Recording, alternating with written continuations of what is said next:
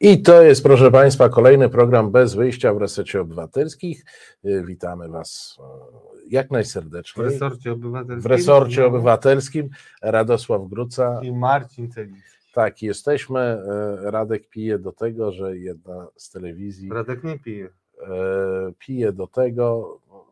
Wybaczcie, mu młody jest, on nie zna tak do końca wszystkich grepsów.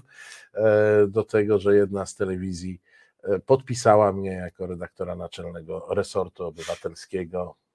Ja przyjąłem ten e, wyrok z pokorą, ale zanim, proszę Państwa, do dzisiejszego programu, no musimy o tym powiedzieć, jakkolwiek nie jest e, bezpośrednio związane e, z, ale pośrednio mocno z tematyką naszego programu. Radku podobno zmienił nam się no nie wiadomo czy zmienił, ale podobno szef kancelarii premiera nie jest już szefem kancelarii premiera, czyli proszę Państwa, niejaki Michał Dworczyk nieoficjalnie ma opuścić e, stanowisko. Nie, e, no nieoficjalnie to, że to ma opuścić, to już trwało, ale nieoficjalnie złożył dymisję. Nieoficjalnie złożył dymisję e, panu premierowi i nie chce już być szefem kancelarii premiera. No straszne to jest dochodzenie do prawdy, tak zwane, e, czyli ten klimat, który znamy e, no, z katastrofy smoleńskiej, czyli e, katastrofy macierewiczowej. Dlaczego to zwraca moją uwagę? No tak się akurat złożyło, że pozwoliłem sobie powiedzieć w podcaście Podejrzani Politycy to, co koledzy i koleżanki dziennikarki mówiły, ale raczej po cichu, mianowicie, że ta dymisja, o której mówiło się od początku tygodnia, może mieć jednak związek z takim mocno rezonującym wywiadem generała e, Piotra Pytla. Ja przypomnę, że mówił tam o tym, że mm, Rosja gra na pisie jak na akordeonie, wie, który przycisk nakreślić i też pozwolił sobie na takie zdanie, że operatorem może być Michał Dworczyk, rzucili się na niego, mm, rzuciły się na niego koleżanki, rzucili się koledzy i tak dalej, mimo że... Każdy, każdy, e, e, każdy profesor filozofii, każdy sprzedawca butów w Polsce wyraził już na ten temat swoją opinię. Podobnie jak na temat e, aerodynamiki i tak dalej. Tak, nie, no to, to są to są jakoś, jakoś te opinie. Pani Małgorzata pyta, czy ta dymisja coś zmieni. E, powiedziałbym tak, no z punktu widzenia e, państwa, to ta dymisja jest spóźniona wiele, wiele miesięcy. Półtora roku. Mm, e, pan Michał Dworczyk powinien być odwołany, a nie składać dymisję w momencie, kiedy zaczęły się pojawiać maile i zaczął działać projekt poufna rozmowa. Tak by się stało w każdym kraju, e, który dba o własną państwowość, o własny rząd, o własnych obywateli i o własne procedury. Tak się nie stało. E, jedno mnie tylko Radku w tej sytuacji może martwić. No Czy nie zostanie wicepremierem? No, to, to, to nie jest wykluczone, bo no cóż, kończy się ta krysza Mateusza Morawieckiego, bo to mm, powszechnie mm, wiadomo jest, że tylko dzięki Mateuszowi Morawieckiemu, notabene drugiemu, którego e, tutaj analizował e, generał Piotr Pytel, mm, zawdzięczał to, że zachował głowę. Ja sam słyszałem od kilkudziesięciu polityków PiS, że oni tego nie rozumieją i to jest kompletnie no, niezrozumiała decyzja, e, jeśli chodzi o interesy partyjne. Teraz nastąpiła, e, właśnie pewnie zaraz będzie się rozpoczynać posiedzenie wyjazdowe PiSu. Tam sobie pewnie porozmawiają wszyscy. Oficjalnie mm, powody dymisji to kwestie prywatne mm, Michała mm, Dworczyka. No, maile były prywatne. Mail, a nie, no tak, no maile były... maile były całkiem prywatne. Ojej, Proszę Państwa, nie, ja mam ciebie. nie, mylić, e, nie mylić z rządowymi e, mailami. Nie dało się ich, e, nie dało się ich pomylić. Jakbym miał tak obstawiać, niewiele wiedząc, prawdę mówiąc, na temat tego układu, to jednak jakaś fajna spółka. Ehm nie zginie z głodu. Ale nie wiem, jakie są dyspozycje dysponentów poufnej rozmowy. Właśnie, no, powiedzmy o tym jednak dwa zdania, bo przypomnijmy o co chodzi. No, taki człowiek, ja mam nadzieję, że kiedyś na przykład się pojawią za parę lat wspomnienia Michała e, Dworczyka pod tytułem Jak wirtualne e, i madło zawisło na moich metaforycznych przykład. To było ciekawe. Ludzie, drodzy i kochani widzowie, Witki e, i obywatele, pamiętajcie, że człowiek, człowiek, który Dlaczego? pisze i obywa, obywatele i obywatelki, e, po, po, zrozummy to i raz na zawsze miejmy świadomość, że Michał Dworczyk od półtora roku był tykającą bombą e, i nie wiadomo tak naprawdę do czego, kto mógł go namawiać, mm, sugerując. Mogę jedną poprawkę? Proszę nawet. Michał Dworczyk był tykającą bombą od czasu, jak został wiceministrem obrony narodowej. E, Natomiast od półtora roku to my wiemy, że on jest tykającą bombą na pewno. Ja myślę, że Michał Dworczyk e, był tykającą bombą od kiedy zbierał e, bomby u siebie w, piwnicy. piwnicy, o czym też warto pamiętać. No jest to ciekawa mm, decyzja, może wzmocni trochę państwo. Wszystko jest spóźnione, wszystko jest badziewne, jeśli chodzi o politykę personalną w tej sprawie. E, I mm, wydaje mi się, że to taka rozpoczliwa mm, decyzja, o którą powinniśmy jednak e, dalej analizować, pytać o przyczyny, nie zadowalać się tylko tymi formułkami. No prywatne e, powody rzeczywiście tutaj Marcin rozwinął. Jasno. Prywatne powody, prywatność zamknięta na koncie mailowym wirtualna WP.pl. Tomasz Szyndralewicz pisze, a że generał Pytel wzburzył Szambo, to było do przewidzenia. Może z tego wreszcie cokolwiek wyniknie. No, ja nie ukrywam, że ma, miałem podobne nadzieje mm, i myślę, że generał mógł jako doświadczony oficer służb zakładać, że to będzie jedno e, z rozwiązań kłopotliwej dla PiS sytuacji.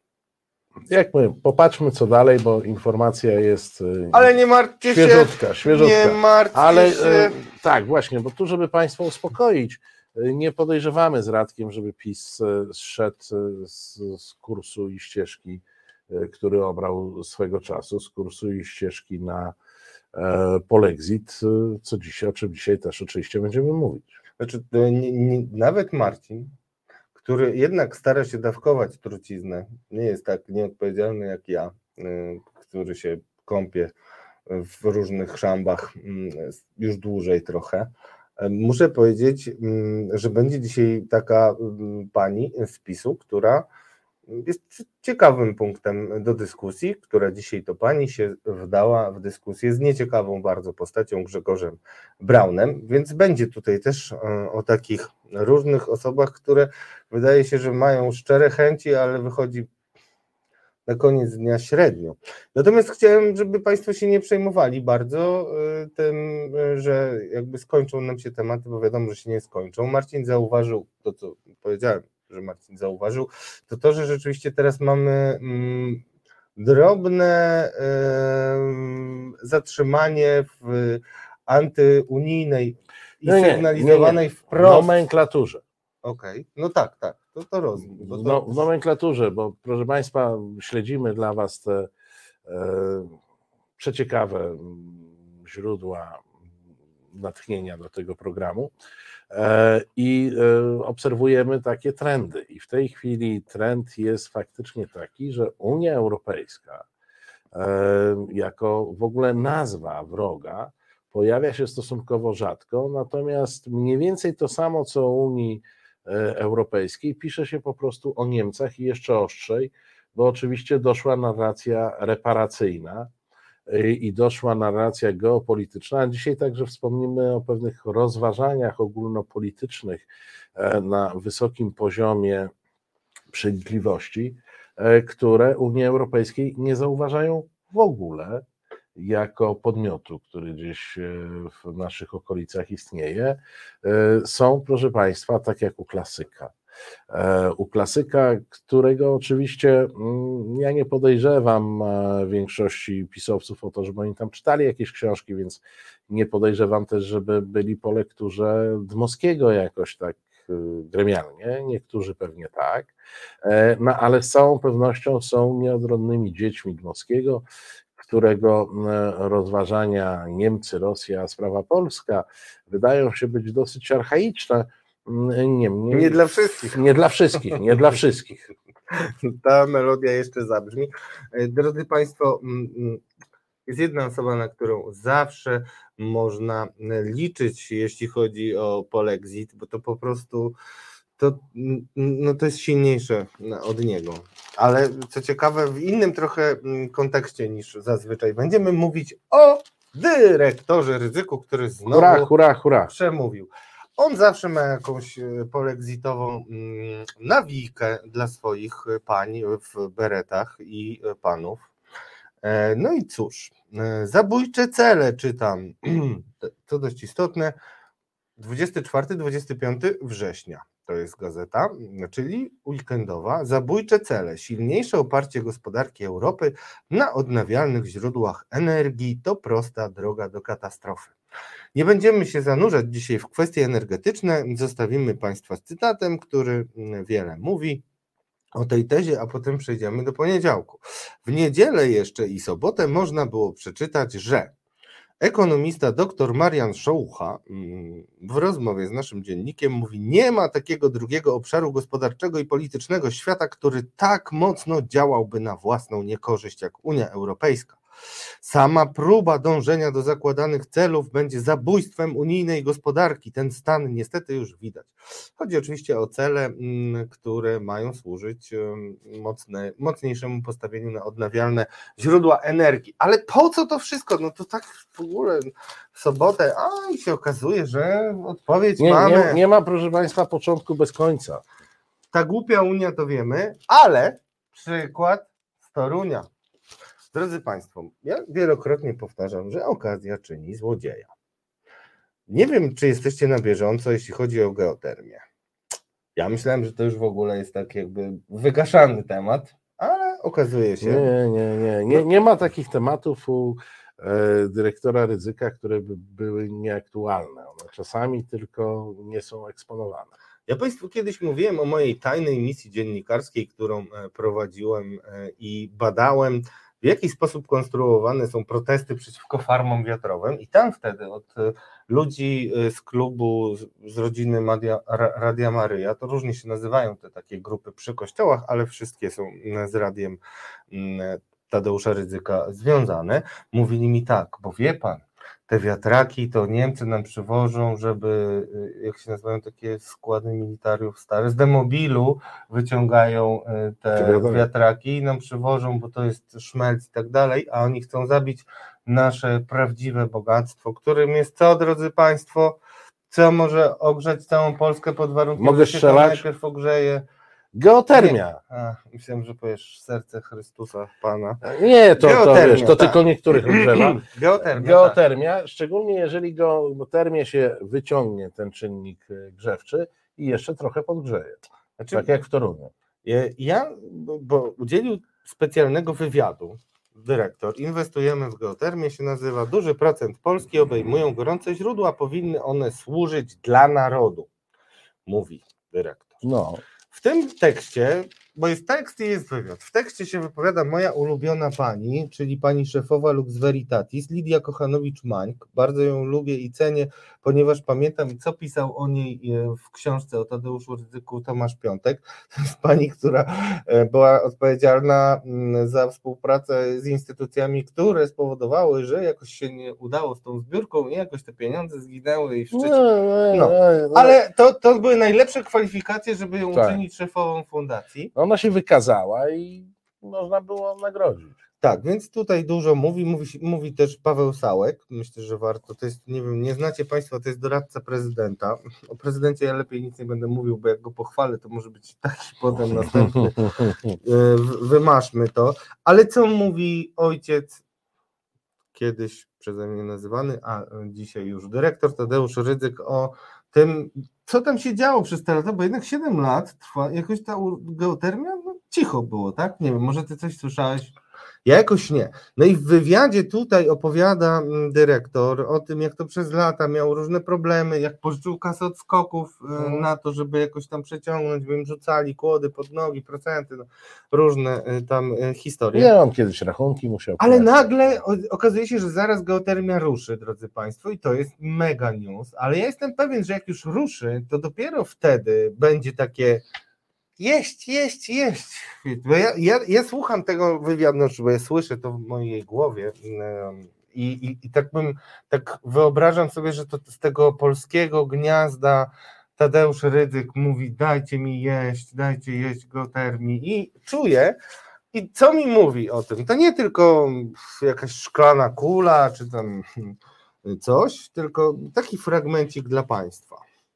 O tych trudnościach to wspomniałem. Dzwoni Tadeusz? No dobrze. E, Z uwagi, Tadeusz, nie teraz, Nie przepraszam, nie teraz. później pogadamy. e, z uwagi na to, że trudności było i jest wiele, zastanawiam się, czy nie jest to działanie jakiegoś międzynarodowego lobby, któremu zależy na tym, aby Polakom nic nie wyszło. Można przy okazji powiedzieć, że to ciepło będziemy wysyłać nie tylko dla siebie. Możemy ogrzać, jeśli dobrze pamiętam, w zimie 40-tysięczne osiedle. Wow. A latem możemy. 40 tysięcy. Tak, ale nie wiem, czy 40-tysięczno rodzinne, czy 40-tysięczno mieszkaniowe. Nadal mówimy o dosyć śmiesznych Jest, rejonach. nie, no co ty. E, dzięki gorącym źródłom można jeszcze inne rzeczy zrobić dla narodu. Ale, ale, dlaczego mówię o tym? Je, ta, dlatego, wiecie o co chodzi, o te ptaszki takie wyklute. Radek, ja które- ci skrócę ten wywiad. Warto podkreślić, że ciepłownia, która jest już w Toruniu i była wtedy w rękach Francuzów przed odejściem od, od władzy Platformy Obywatelskiej, dostała prawie pół miliarda złotych subwencji na modernizację na rosyjski gaz, mimo że u nas możliwości, grza, że u nas są możliwości grzania bez CO. Pół miliarda starczy? Nie, Tak myślałem.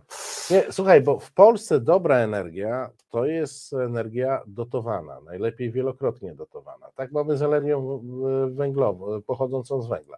Najpierw się dotuje kopalnie, potem się dotuje cenę y, sprzedażową e, węgla, potem jeszcze się dotuje ewentualnie elektrownię. I wtedy ta energia jest taka dobra, wiesz, bo taka tam jakaś e, odnawialna z tej fotowoltaiki czy wiatraków to się nie liczy. I z geotermią będzie to samo. Dopóki jej porządnie nie zdotujesz, to ta energia nie, nie będzie sexy, no po prostu. Ręce opadają. Ona już jest trochę dotowana, bo ona jest wspomagana węglem, Trochę. a węglem, jak wiadomo, Właśnie węgiel... będę trzeba to podgrzeć. Nie. Znaczy będę badał tę sprawę, jestem Jest, jest to, proszę Państwa, zresztą ewenement na skalę światową, bo to tam ci różni wymyślili, że z tej, tej różnicy temperatur z geotermii można wyciągnąć em, energię i, i różne technologie powstały, ale nikt jeszcze nie wpadł na to, że trzeba tą wodę z głębi ciągnąć i ją podgrzać w elektrociepłowni i wtedy będzie dopiero geotermia prawidłowa. No, ale Tylko je- czego to się nazywa geo? To geo, no geo. Bo to jest termia, były takie nie? geo jakieś e, ten, różne Po, po warszawsku to by się nazywało specotermia, czyli dostarczamy czynnik, specują, podgrzewają i Jest ciekawie, drodzy Państwo, no ale ja zwracam uwagę, bo dawno nie zaglądaliśmy do naszego dziennika, bo trochę się musiał uspokoić Zbigniew Ale po- powiem Państwu, że rozczarowująca jest objętość. No i dobrze. tam. No kiedyś był grubszy. No, No może, nie, no zobaczcie Państwo, cienki Może ile to był było. grubszy, ale dotacje z reklam się No, zgadzają, to... Nie, nie, ja nie mówię, że jest mniej kasy, no 16 stron. No, no, No nie, no cienko jest. no dobrze. W każdym razie Może tam już zwracam ten ryzyk z tym dzióbkiem tam jeść, jeść, Tak, jeść, tak, tak, na- ale to nasz może dziennik tak, jeść, zobaczcie, jeść, nawet to- 16 no to to- jest możliwe. Nie, on pójdzie tak do, litość do, do y, Kaczyńskiego i mówi, Jarek, zobacz, no, no tyle, mogę, tyle mogę wydrukować, no kasy nie ma. No. Jestem pewien, że może tak być. No. Finansowy szantaż e, też trwa, ale ja, ja jednak chciałem to Państwu pokazać. Zobaczcie, bo to naprawdę dzień po dniu oni po, ciągną swoją opowieść, tak? Czyli mamy te zabójcze cele, czyli te złe, głupią Unię, która najgłupsza jest, i mądrą Polskę, która ma odpowiedzi na wszystkie e, problemy świata. I tą odpowiedź daje Państwu e, Tadeusz. Jak myślisz, będzie to pół miliarda, czy, czy tylko tak rzucił na rybkę? Mogę i, się z tobą- się tam... u, mogę się z tobą założyć o pół miliarda. Dobrze. Tylko, że to będzie w kilku ścieżkach, wiesz? Mm. Nie tak jeden przelew, tylko to będzie, wiesz, trochę z tego funduszu, trochę z tamtego funduszu, ale się uzbiera. Y, No, tak jak na Pegasusa. Takie Wiesz, nieważne skąd idą pieniądze, ważne, żeby trafiły na tą samą tacę. Znaczy ja powiem Państwu, że na pewno będzie tak, że mm, ryzyk doskonale wie, co robi i będzie y, tak, y, że będą się ścigać. poszczególne klany ministerstwa, gangi, Błaszczakowo, Błaszczak Mówię ci- z Sasinem. Zobacz, mechanizm jest cały czas ten sam. Idzie się przez cały kościół, różni ludzie wrzucają. Ważne, żeby taca była ta sama. Powtarzam ci. Apetyt y, Tadeusza Rydzyka jest y, tutaj ogłoszony, urbi et orbi. Spodziewajmy się i werble na koniec Tego tematu. tego tematu. Tego tematu. Ty Nie, wiesz, bo, Marcin, bo tutaj do, dostajemy, dostajemy pytania, na przykład, o proszę. Noe 02 czy O2, panowie proszę podać moment, kiedy jesteście śmieszni.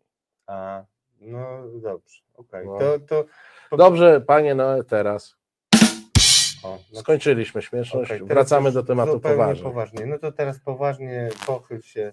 Naprawdę. No mówisz Wojna o... na dwa fronty. To jest tekst, który mnie przejdzie. Proszę Państwa, to, to jest tekst, który jest tekstem przełomowym moim zdaniem. Eee, Jest tekstem absolutnie przełomowym i jest w dziale opinie e, mojego ulubionego tygodnika do rzeczy. Ja Państwu mówiłem tydzień czy dwa tygodnie temu, że do rzeczy mnie trochę martwi, bo sieci zaczyna wyprzedzać do rzeczy w, pewnych aspektach, a ja tu bardzo kibicuję, e, bardzo kibicuję do rzeczy jako tym, którzy pierwsi, którzy pierwsi i najodważniej mówili o tym, że Rosja jest fajna, a Unia Europejska zła. Mamy, proszę Państwa, w dziale opinię tekst pana Wojciecha Golonki, e, który się nazywa Wojna na dwa fronty. Państwo oczywiście mogą się domyśleć, o jakie dwa fronty chodzi, no bo to jakby żaden news. E, Każdy polityk PiSu wam powie, mamy wojnę z Niemcami mamy wojnę z Rosją e, aktualną. Niemcy nie płacą reparacji, a Rosja, od Rosji nie chcemy reparacji, ale tak czy inaczej dwa fronty są.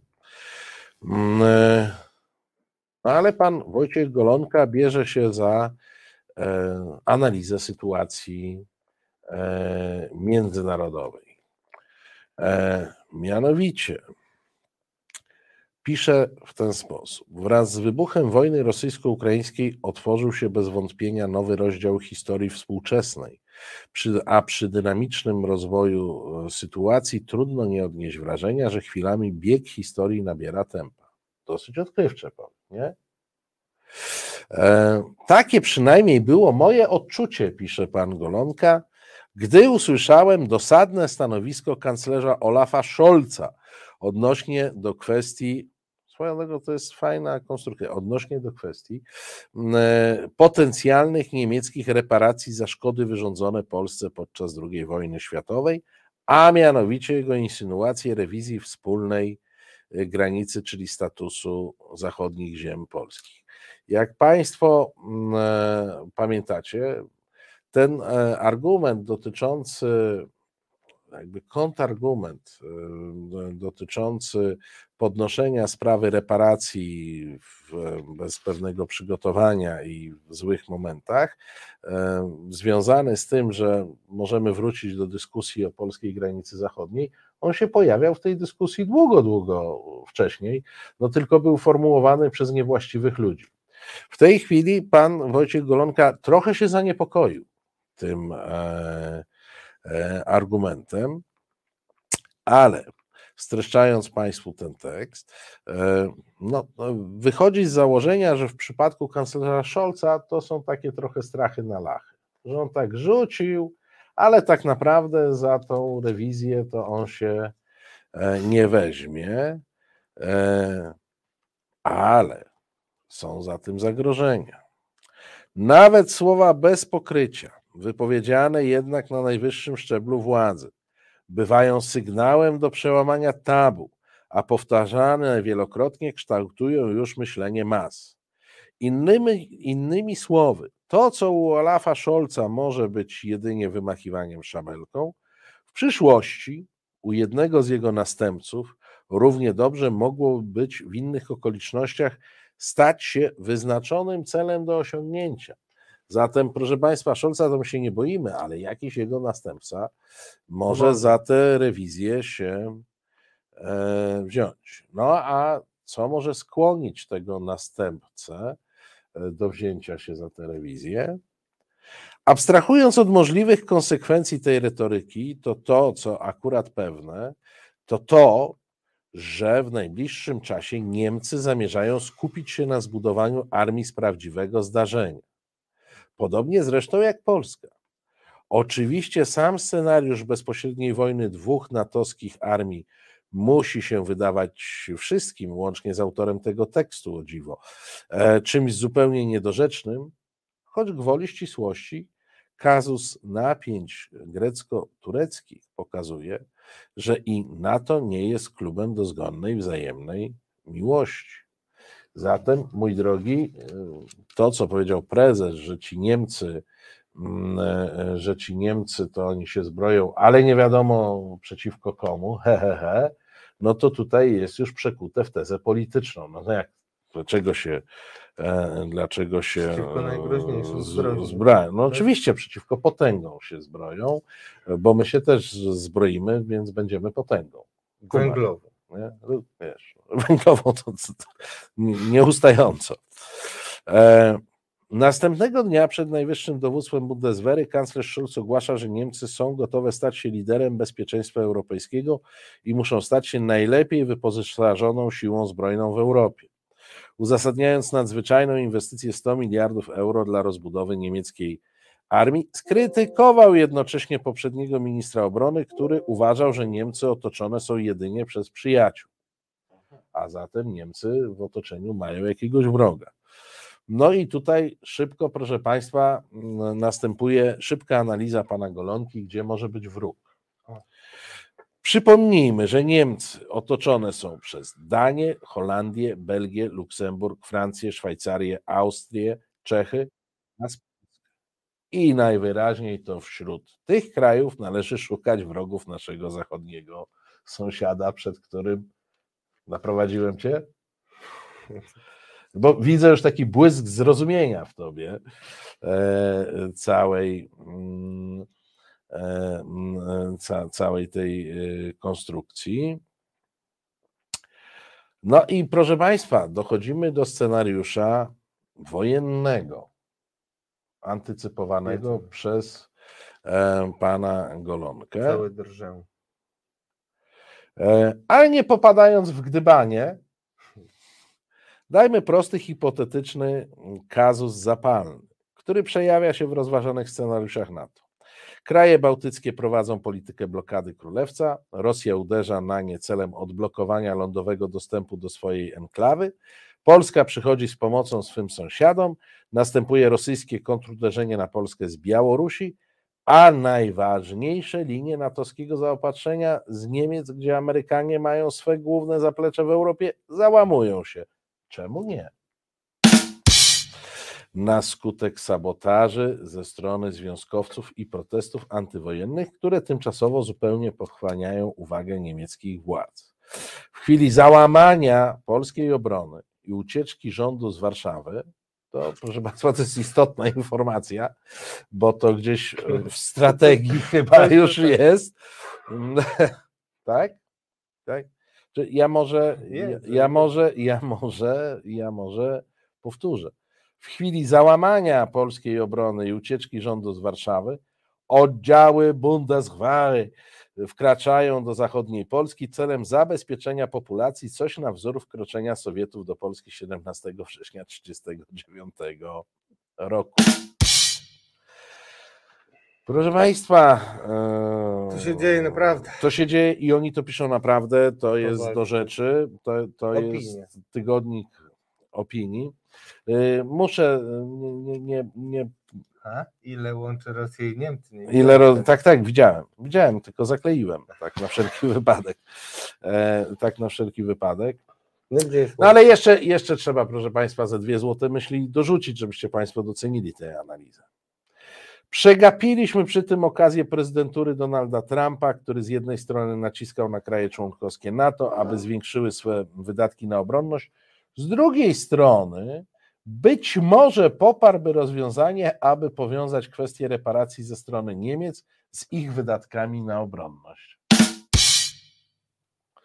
No i tutaj, proszę Państwa, jest uwaga. Mariusz Max Kolonko przestrzegał wówczas, że zwiększenie wydatków zbrojeniowych przez Niemcy do 2% ich PKB, czyli stworzenie silnej niemieckiej armii, nie leży zupełnie w interesie mm, Polski. Natomiast ich natowskie zobowiązania mogłyby być przekazywane na dozbrojenie wschodniej flanki NATO. Czyli Niemcy, owszem, powinni zwiększyć wydatki na armię, ale na polską armię. No, Logiczne, no nie? mnie to, to jesteś przeciwko. E, No, przecież- Ale w ogóle to, to jest ten zabieg retoryczny, czyli ekspert na koniec, taki, który godzi wszystkich, taki uznany autorytet. nie. Na koniec Tak, pytanie, Ma, pamiętam, Mariusz Max Kolonko.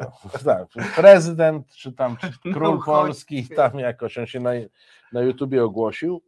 No i uważajcie, na koniec jest e, w sentencji krytyka poczynań pisowskich, a pomysł jednoczesnego żądania reparacji od Rosji, to znaczy, przepraszam, to akurat pomysł platformiany,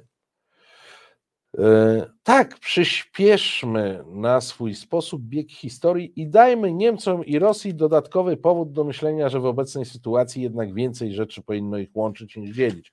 Czyli, proszę Państwa, reparacje od Niemiec tak, ale od Niemiec i Rosji nie, bo Rosja z Niemcami się domyślą, że mają wspólny interes w postaci absolutnej e, konieczności przeciwstawienia się mocarstwu e, polskiemu. Ale wiecie Państwo, to jest trochę, e, to, to, ten, ten tekst jest no, taki, jaki jest, tak? gdzieś osadzony w takim XIX wieku, XVIII wieku, ale polskim takim e, XVIII-XIX wiecznym myśleniu politycznym. Mm, e, On jest oparty na nieustającej wojnie. Tam nawet przez myśl autorowi nie przejdzie, że Niemcy są naszym sojusznikiem e, w tym momencie. To znaczy, oczywiście można wiele zrobić.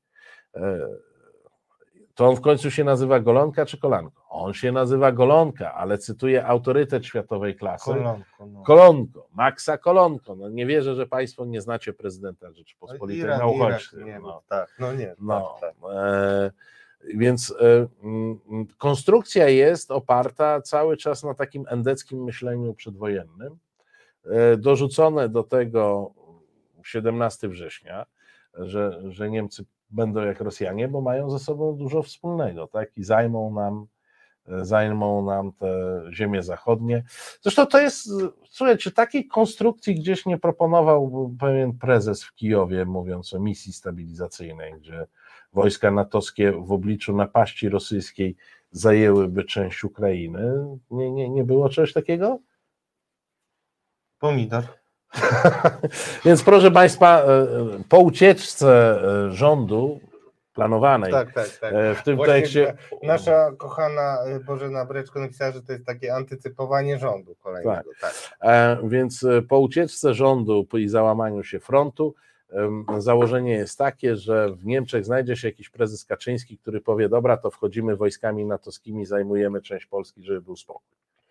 Ojoj, e, dobrze. Ale to jest, proszę Państwa, jeszcze raz powiem, chodzi o sposób myślenia. To znaczy, sposób ich myślenia zupełnie pomija e, Unię Europejską i całkowicie wraca do mm, Nie, tam czasu. nie pomija, bo pomijasz coś, co jest. Tam nie ma Nie, nie- nie istnieje. Ona nie istnieje. No. nie istnieje, mm, e, e, nie istnieje Unia Europejska, natomiast jest klasycznie Niemcy, Rosja, a sprawa Polska. Ojoj, ojoj, oj.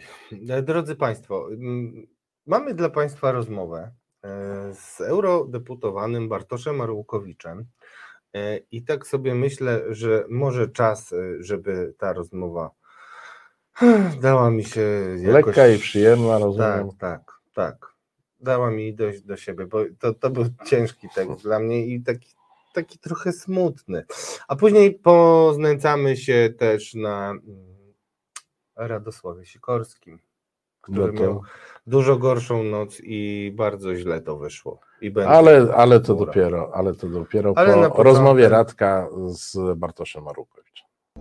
Jaka jest Azja, każdy widzi. Ale czy na pewno? Blanka Dżugaj wraz z gośćmi bierze pod lupę bieżące wydarzenia z największego kontynentu świata. Nadaje im kontekst, analizuje i interpretuje. Czasem odczytuje przyszłość, ale nie z fusów, lecz z faktów. A wszystko po to, by Azja była dla widzów i widzek terra bardziej cognita.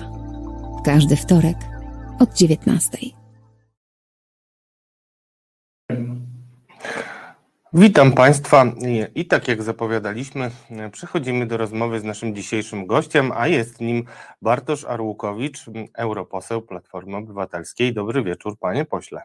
Dobry wieczór, witam serdecznie. Dziękuję, że pan przyjął zaproszenie. Marcina nie ma i zastanawiam się, czy to izraelskie służby mogły mu e, coś podrzucić pod koła, e, czy może Węgrzy, bo będziemy rozmawiali o Pegasusie.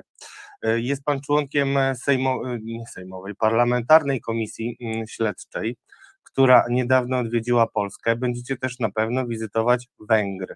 Jak to wygląda? Czy rzeczywiście mm, polskie służby mogą się obawiać? Widać, że spotykacie się głównie z lekceważeniem na ten moment. Jak to jest e, na Węgrzech e, i jakie są plany prac komisji dalej? Brak odpowiedzi ze strony rządu, pozytywnej odpowiedzi na temat tego, żeby wyjaśnić sprawę Pegasusa, też jest odpowiedzią. My byliśmy przez trzy dni w Warszawie, gdzie spotkaliśmy się, rozmawialiśmy, przesłuchiwaliśmy ludzi służb specjalnych, sędziów, prokuratorów, ludzi związanych e, z tymi podobnymi systemami w Polsce i w Europie. I właśnie ta wizyta w Polsce, w mojej ocenie, tak naprawdę otworzyła szeroko oczy wszystkim członkom komisji e, do spraw Pegasusa w Parlamencie Europejskim, dlatego że dopiero w Polsce okazało się na tych przesłuchaniach, jak bardzo Pegasus był używany przez władzę przeciwko opozycji, prokuratorom, dziennikarzom czy e, ludziom, którzy mają odmienne zdanie od władzy. Ja myślę, że ta komisja być może nie wyjaśni do końca sprawy Pegasusa, która jest bardzo trudna, ale na pewno będzie elementem wyjaśnienia, bo Komisja Senacka, teraz Komisja Parlamentu Europejskiego, myślę, że em, ciarki po plecach przechodzą powoli tym, którzy Pegasusa nielegalnie kupili i stosowali. Tak, ale mało się o tym mówi w Polsce, że mm, tutaj kontekst jest też, że tak powiem, unijno-izraelski. I to jest dość istotne, tym bardziej, że także politycy pana obozu, tak jak Krzysztof Brejza, senator, który sam był ofiarą Pegasusu, zwracają uwagę na to, że nasze służby dały się uwikłać we współpracę z obcym wywiadem, bo tak naprawdę Pegasus e, nie zostałby sprzedany, gdyby wywiad izraelski na to nie wyraził zgody. No i też eksperci od służb mówią, że te dane pozyskiwane od polskich e, obywateli no, mogły być przeglądane potem przez izraelskie służby. Chyba takie same obawy mają generalnie politycy e, innych e, krajów europejskich, w których Pegasus był stosowany. Ja, nie mogły być przeglądane, ale pewnie były przeglądane. My rozmawialiśmy z byłymi szefami służb specjalnych, którzy mówili wprost, że nigdy w życiu nie zdecydowaliby się na kupienie nawet najlepszego systemu e, inwigilacji czy szpiegowskiego, jeśli nie mieliby pewności, gdzie te dane potem trafią, w czyje ręce. My przecież dzisiaj nie wiemy, gdzie są dane z telefonu senatora Brejzy, wicepremiera Giertycha czy prokurator Wrzosek. One pofrunęły w świat. Początkowo pofrunęły prawdopodobnie do Izraela, ale jak wiemy z praktyki funkcjonowania służb specjalnych, służby mają do siebie różne wzajemne interesy, często zawiązywane między sobą współpracę, które wiążą się z tym, że jedne służby potrzebują takich danych, inne takich. I być może te dane dzisiaj mm, szpiegowanych polskich polityków, prokuratorów czy, czy adwokatów e, krążą po świecie, wręcz są w rękach służb, na przykład służb rosyjskich. Tego wykluczyć nie możemy. Pamiętajmy, że mamy wojnę na Ukrainie i mamy też informację, że szpiegowany Pegasusem był jeden z komisarzy europejskich. A to Komisja Europejska podejmuje decyzję o sankcjach na Rosję. Więc ta sprawa jest niezwykle poważna.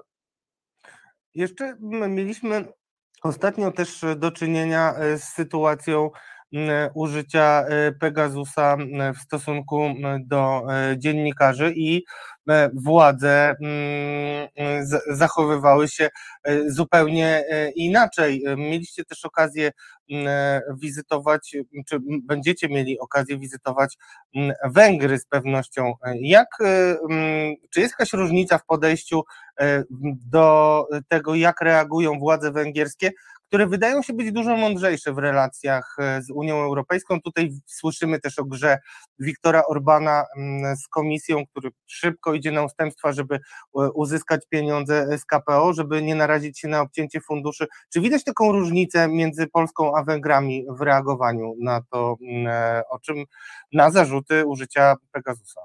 Oczywiście, że widać, ale zacznę swoją wypowiedź od Grecji, bo w ostatnich tygodniach pojawiły się informacje o użyciu Pegasusa w Grecji. Tam rząd grecki natychmiast zareagował, pozbawiono funkcji ważnych ludzi, którzy rolę w tym wszystkim odgrywali. A wracając już do samego Orbana, o którego pan pyta i zachowania Węgrów. No oczywiście, że Orban jest politykiem niezwykle mm, twardym, ale też bardzo sprawnym. I on w mojej ocenie bardzo skrzętnie wykorzystuje taką nieudalność i przaśność e, polskich władz, które tupią nogą na lewo, na prawo, obrażają się na Unię Europejską, nie chcą miliardów euro, a się chcą, tylko nie potrafią ich e, tak naprawdę do Polski przywieźć. Orban jest politykiem, który do cna wykorzysta PiS i Kaczyńskiego po to, po, po to żeby potem e, współpracować na w miarę normalnych zasadach pewnie z Unią Europejską. E, to, że dzisiaj nie jest już VVP, to mu też lekko rozwiązuje ręce. W związku z tym z całą pewnością Orban na tej sytuacji skorzysta, a my jak zwykle, no, ta, taka polityka Kaczyńskiego, którą obserwujemy od lat, niekompetencja, e, taka, mm, takie nastawienie wrogie do Europy, do sąsiadów, to wszystko skutkuje tym, że zostajemy z tym wszystkim sami. Za naszą wschodnią granicą spadają bomby, e, są gwałcone kobiety, mordowane dzieci, a my, my obrażamy się na wszystkich. Obrażamy się na wszystkich i tutaj jeszcze jest jeden mm, wątek, e, który mm, wybrzmiewa w kampanii wyborczej, na który zwracał uwagę Parlament Europejski. Chciałem przypomnieć, e, chodzi oczywiście o prawa kobiet i chodzi o temat ustawy aborcyjnej, która jest najbardziej restrykcyjną ustawą. Donald Tusk powiedział jasno, że będzie chciał wprowadzić e, tutaj liberalizację ustawy aborcyjnej. No i pytanie, e, czy e, jest e, nadzieja na to, że to też będzie odnotowywane i dyskutowane w Parlamencie Europejskim po to, żeby wywierać presję na te na zmianę. Pan jest lekarzem, ostatnio kolejna historia dramatyczna ukraińskiej matki, której lekarz mierzył główkę dziecka, której nie było. E, wygląda na to mm, z reportażu TVN, że mamy y, realny problem kobiet, którym odmawia się mm, aborcji, nawet w sytuacji, kiedy płody są zupełnie nieodwracalnie uszkodzone. Ale ja panu przypomnę pewną wypowiedź Jarosława Kaczyńskiego sprzed lat, który powiedział publicznie, że będzie chciał, żeby rodziły się w Polsce zniekształcone płody, ponieważ Jarosław Kaczyński chce je chrzcić. Więc Jarosław Kaczyński decyduje dzisiaj o tym, jakich cierpieniach e, jakie cierpienia dotykają polskich kobiet. Część z nich umiera, słyszymy te straszliwe doniesienia medialne o tym wszystkim.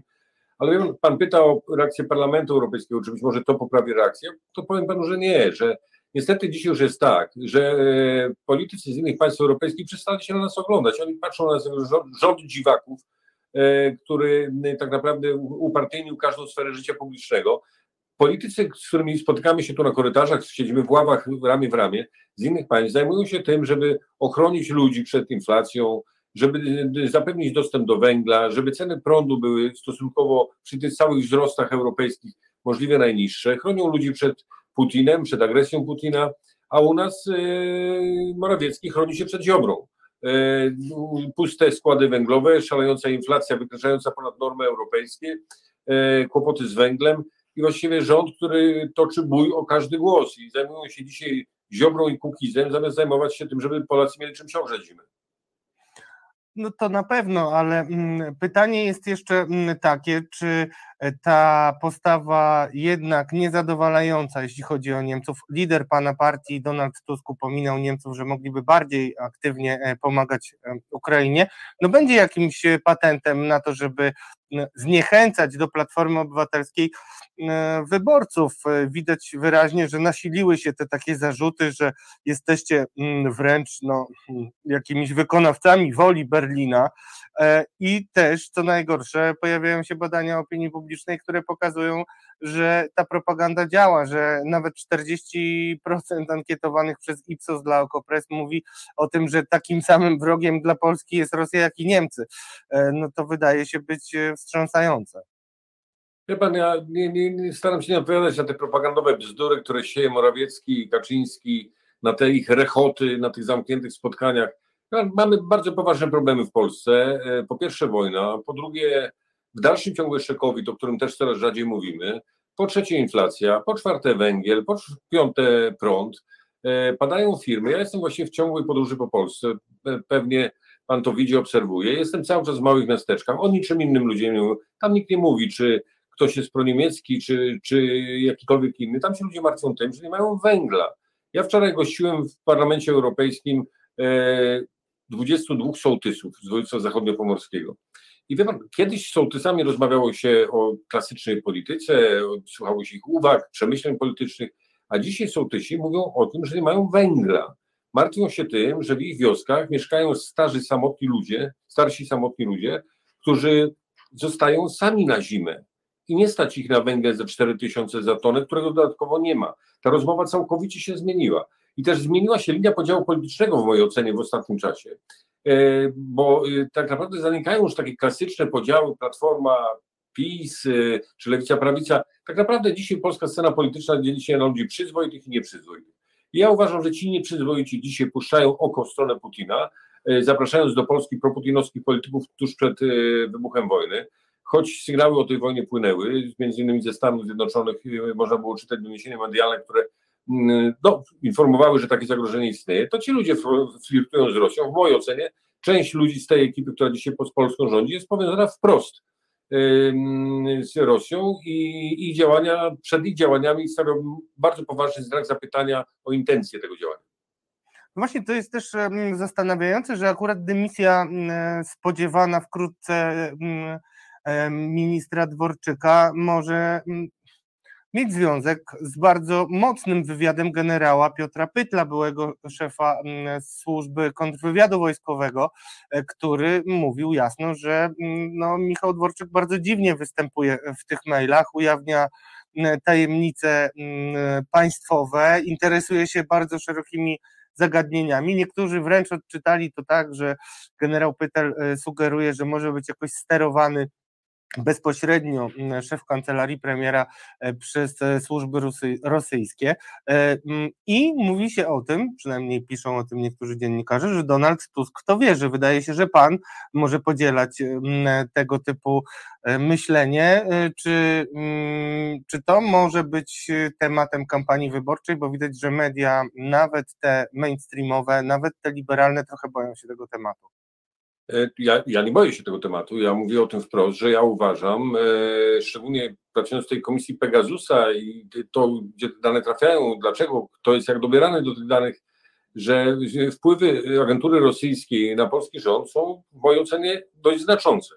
I e, żeby podsumować krótko to, co pan mnie pyta, pyta mnie pan, czy ufam Pytlowi? Tak, uważam, że Pytel w zasadniczej części ma rację.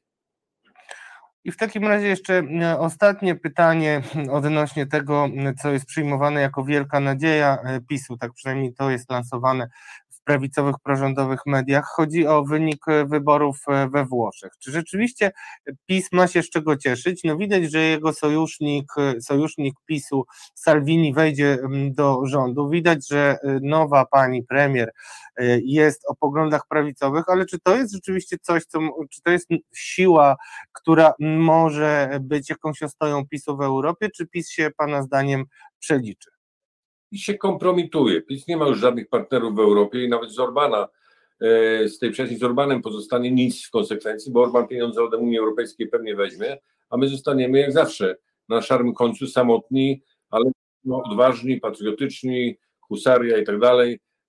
Polityka to jest sprawa bardzo poważna, a motorszczyzna w wykonaniu Sasina, Suskiego, e, Morawieckiego, czy nawet Kaczyńskiego, który tak naprawdę nie rozumie albo nie chce rozumieć mechanizmów który, społecznych, które się dzieją w Polsce, w Europie, to pokazuje, że jesteśmy na szarym końcu Europy i zostaniemy z tym wszystkim sami. A rząd włoski, no, oczywiście może niepokoić skład tego rządu. Mam nadzieję, że, mm, że ten rząd będzie podtrzymywał linię przyszłej pani premier z kampanii wyborczej, której jakby jasno wskazywała, że strona ukraińska ma rację w sporze, e, w sporze złe słowo w ogóle, w wojnie Rosja-Ukraina.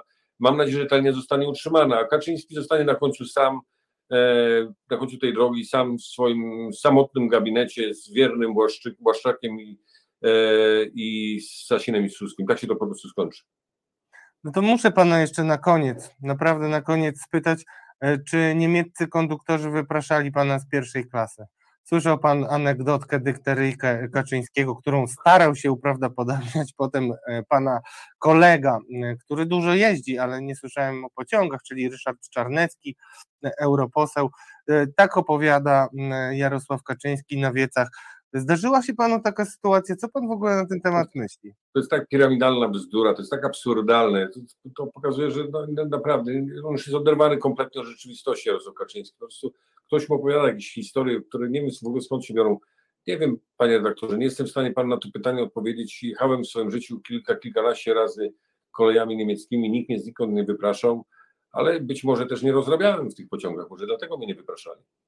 No, takie oskarżenie, no słyszeliśmy o niezłych imprezach e, PiSu, także w takim towarzystwie konserwatywnych polityków w Brukseli. Pan, ja panu powiem tak, ja panu powiem tak. Ja jestem e, politykiem lewicowym. Jak patrzę na zachowanie niektórych konserwatystów, to cieszę się, że jestem politykiem lewicowym. na pewno jest panu lżej, bo cóż, lewica może więcej, przynajmniej mm, nie jest ograniczona swoimi mm, słowami, bo potem trochę głupio wychodzi, jak e, okazuje się być gejem gość, który rozpętał wielką awanturę na Węgrzech. E, może tak też się kiedyś zdarzyć nad Wisłą. Panie pośle, dziękuję serdecznie. Dziękuję, pozdrawiam serdecznie.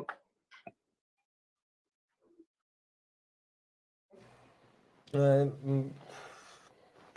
no ciekaw jestem, jak y, wypadł w Waszych oczach europoseł Bartosz Arłukowicz, ale y, zanim przejdziemy dalej, bo już wprowadzamy na dobre zwyczaj, że polexitowca mm, ogłosimy e, na początku drugiej godziny, to chciałem jeszcze powiedzieć o jednej ważnej historii e, wielopoziomowej, mm, którą mm, no, nie, nie. Najpierw musicie Państwo zobaczyć, co to dzisiaj wydarzyło się w Sejmie przed wielopoziomową, bo to jest jakby dwa poziomy tylko mają. Więc zobaczmy taką małą dzisiaj wymianę zdań w polskim parlamencie i sami Państwo ocenicie. Gosiewska, Pani i... Dziękuję bardzo. Szanowni Państwo, jesteśmy w bardzo trudnym momencie. Na koszulce mam napis nieprzypadkowy: Achtung, Rosja. E, to bardzo znamienne, choć powinno być Achtung, Putin, ponieważ to on chce skłócić naród rosyjski z demokratycznym światem, którego częścią jest Ukraina. Jestem przekonana, że wyrażam opinię wszystkich tu zgromadzonych, mówiąc stanowcze nie agresywnym zapędom Putina. Putina mordercy, Putina terrorysty, Putina zbrodniarza. Niech żyje Ukraina. Jesteśmy z Tobą, solidaryzujemy się. Ukraina, precz z Putinem. Ukraina, precz z Putinem. Dziękuję bardzo.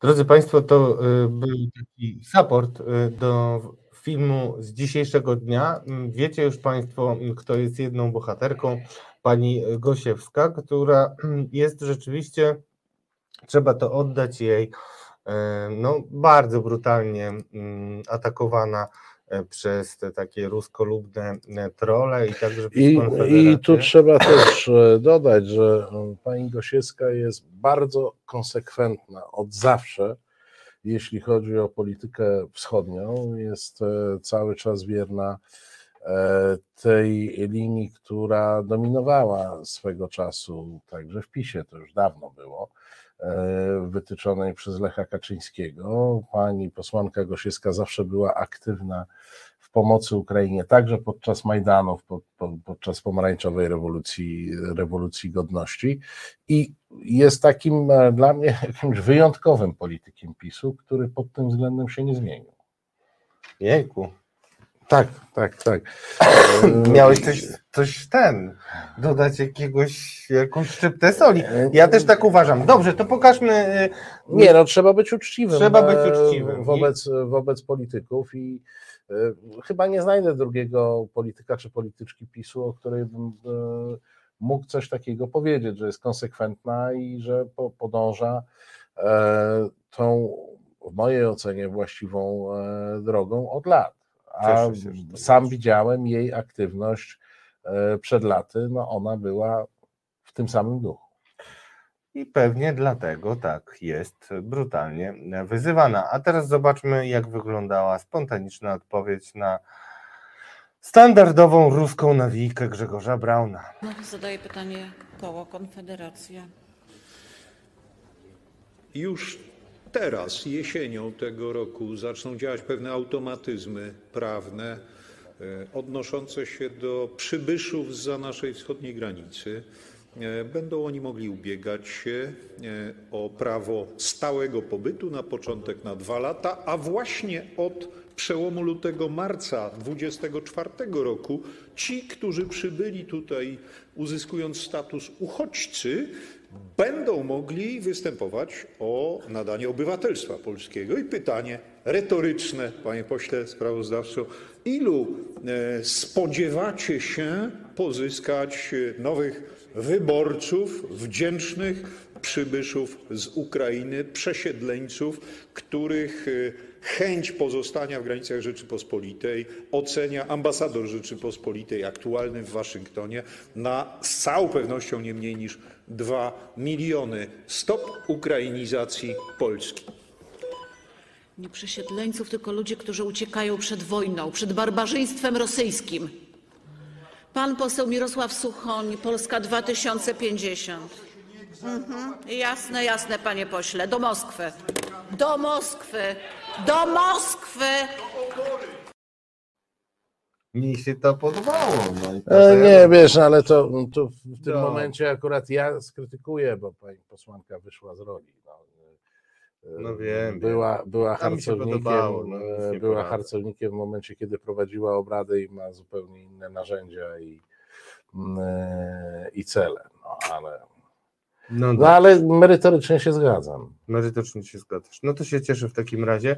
I ja tutaj chciałem pod, e, właśnie to jest dobry moment, jeszcze chciałbym przypomnieć e, wypowiedź e, posłanki Lichockiej, która wczoraj z kolei zaatakowała mm, mojego wczorajszego gościa Pawła Zaleskiego w Sejmie, mianowicie za to, że proponował, popierał poprawkę leków, nie wziąłem chyba, Nie, może. Tadeusz do ciebie dzwoni, bo do mnie się Nie mógł się bo ja nie odbieram. No. Tadeusz. mm, Po, popatrzmy, co mówiła wczoraj Joanna Lichocka, reagując na pomysł i mm, za, no, zaproszenie Pawła Zaleskiego do tego, żeby uzgodnić wspólne stanowisko w sprawie wiz humanitarnych i generalnie y, jak podchodzić do wiz y, dla Rosjan.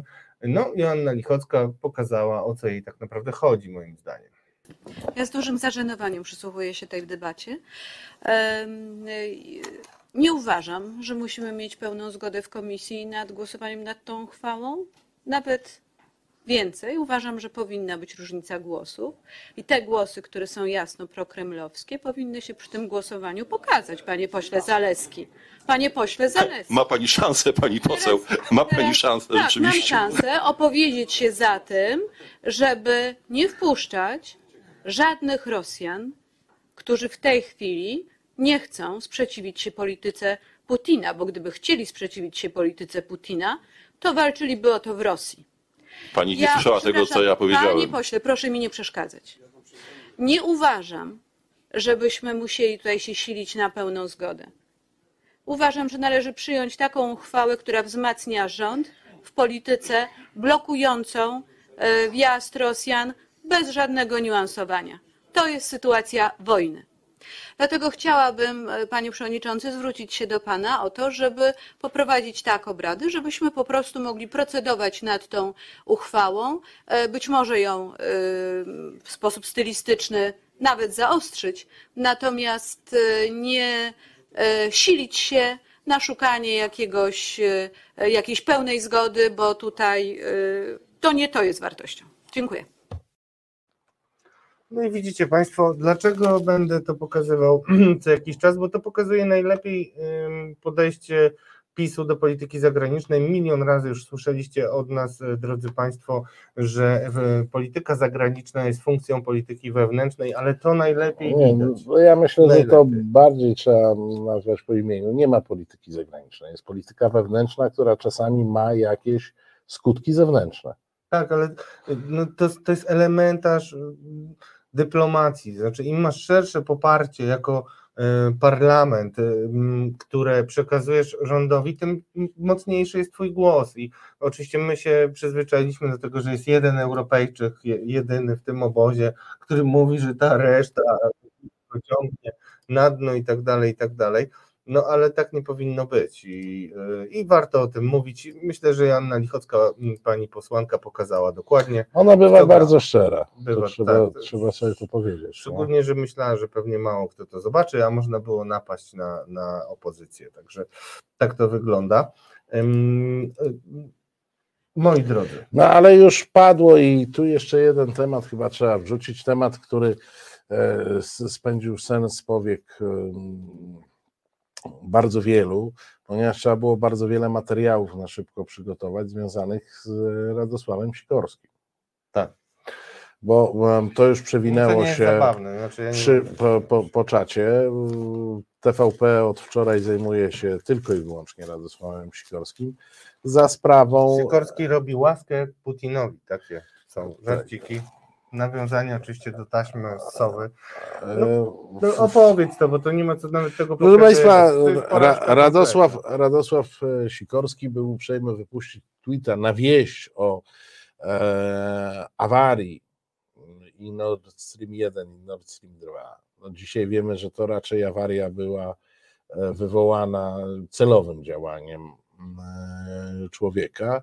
E, Był uprzejmy jakoś tak wystąpić z deklaracją dziękczynną wobec Stanów Zjednoczonych.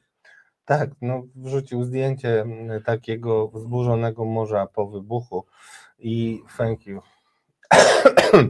No słabo to wyszło bardzo, wiecie oczywiście. Znaczy, wie, wiecie Państwo, po, powiedzmy sobie uczciwie, my tu krytykujemy oczywiście najczęściej miłościwie nas rządzących, bo to ich linia jest e, antyeuropejska, antynatowska e, i antyzachodnia, natomiast e, chyba warto wspomnieć i zdradzę Państwu tajemnicę, pewnie Radek się nam nie, nie obrazi, ale myśmy nawet przez moment zastanawiali się, czy ten tweet nie kwalifikuje e, pana Sikorskiego do nominacji na polexitowca. No doszliśmy do wniosku, że są lepsze kandydatury. E, mm, Wiecie Państwo, na to można reagować e, w sposób różnoraki. Ja przed chwilą tutaj w trakcie mm, odtwarzania rozmowy z Bartoszem Marukowiczem przeczytałem opinię pana Bronisława Komorowskiego, który powiedział, no dobra, no ale ty, no nie róbmy problemu, przecież Andrzej Duda na przykład do ruchadła leśnego pisał i, i nikt się nie oburzał. No nie, proszę Państwa, No to tak nie działa. Poza tym my się oburzaliśmy nawet na Tak, to, ale o- to obu- naprawdę nie jest to samo. Uwierzcie. E, Mam e, wrażenie, że tutaj ta taka słynna pewność siebie pana Radosława Sikorskiego e, i mm, pewna łasość to się chyba nazywa dotycząca tak atencji, y, no, zwyciężyła, zwyciężyła zdrowy rozsądek.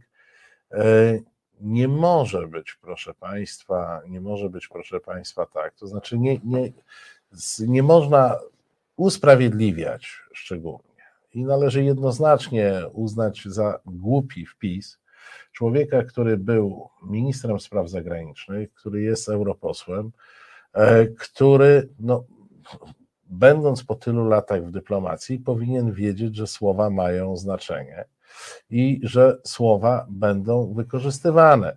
E, Ten jego tweet został wykorzystany przez mm, i rosyjską propagandę, to pół biedy, bo tam ta rosyjska propaganda to i bez takich pretekstów sobie radzi z wymyślaniem dziwnych e, tez, e, natomiast przede wszystkim została wykorzystana przez środowiska prorosyjskie i rusofilskie w Polsce do tego, żeby pokazywać, że prorosyjski jest Radosław Sikorski, wystawiając w ten sposób pruskiej propagandzie e, piłkę, bo ewidentnie, e, ewidentnie wystawił.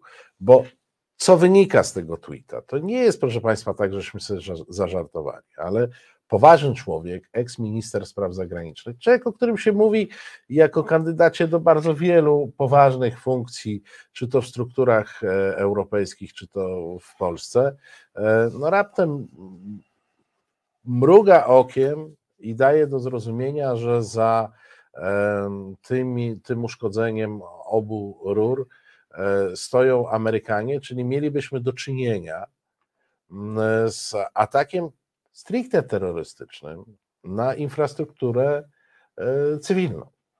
No tak i to koniecznie trzeba y, też powiedzieć o co chodzi tak w tym ataku, bo to, jest zupełnie, dlaczego to jest taki łakomy kąsek dla Rosjan? Musimy to wytłumaczyć. No chodzi o to, że Rosjanie wskazują na to, Przepraszam, ja tylko jedną uwagę Tak, do pa, Pan Darek pisze, ja bym się z tego nie śmiał, Sikorski ma lepszą wiedzę od nas.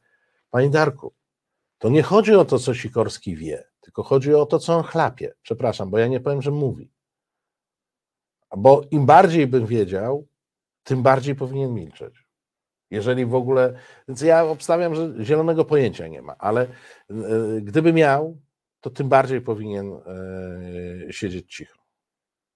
Ja w ogóle tak patrzę, nie wiem czy ten tweet się zachował. Może On wykasował tego No tweeta. to bardzo dobrze. No. Ale no brakowało, bo to naprawdę jeszcze palnąć to palnąć, ale tutaj znowu Radosław Sikorski przegrał z największym swoim wrogiem, czyli Radosławem Sikorskim. Tak, tak, I, tak. Oni toczą tą walkę od lat i niestety Przegrywa. Radosław Sik- Sikorski ciągle przegrywa. No na to wygląda. To znaczy, sprawa jest zupełnie poważna i też ja, ja bym tego nie bagatelizował. Oczywiście bliższa koszula ciału i no, Radosław Sikorski, Radek Sikorski, Radzio Sikorski to jest trend na Twitterze, który na pewno się jeszcze utrzyma, teraz jest na drugim miejscu.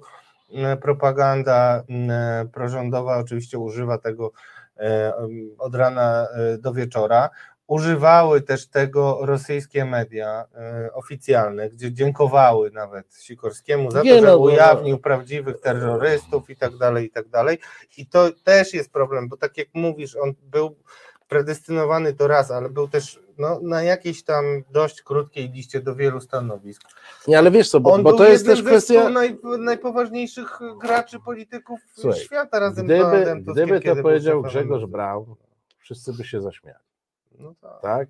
No jak powiedział to Radosław Sikorski, no to jest taki odruch, żeby jednak e, traktować te słowa jakkolwiek e, poważnie, a nic bardziej niepoważnego w, ciągu ostatnich kilkudziesięciu godzin na pewno Państwo nie znaleźliście i nie przeczytaliście w mediach społecznościowych e, niż ta e, nieszczęśliwa, e, nieszczęśliwa zupełnie e, wypowiedź i, i to po prostu trzeba powiedzieć, no, no, no gdzieś, gdzieś przegrał z tym Radosławem Sikorskim e, i nie dość, że dał się użyć przez rosyjskie media, no to jeszcze e, media rządowe drugi dzień, drugi dzień, naprawdę, tu wierzcie Państwo, ja dzisiaj miałem włączone e, włączoną tę stację e, w, w trakcie pracy nad tekstami innymi, jest jeden temat, Radosław Sikorski. Od rana do wieczora. No i tak, no i tak właśnie strzela się samobuje, zupełnie bez żadnej presji ze strony PiSu. Nadal nic nie mam. Ja na pewno nie będę e, już chwalił, drodzy Państwo, mm, Radosława Sikorskiego. Znaczy, bo- spytam, czy ja kiedy go chwaliłeś No ostatnio? chwaliłem go, znaczy nie chwaliłem, tylko go broniłem, bo irytuje mnie to gadanie o tym, że Radosław Sikorski groził protestującym na Majdanie, że będą wystrzelani. No, A nie, no to, to, to, to No, jest to trzeba- fake i bzdura. No. Trzeba to absolutnie, yy, no, trzeba to. Piotr Sychalski pyta i nic o Tusku w TVP. Za, muszę Państwu powiedzieć, szok niedowierzanie.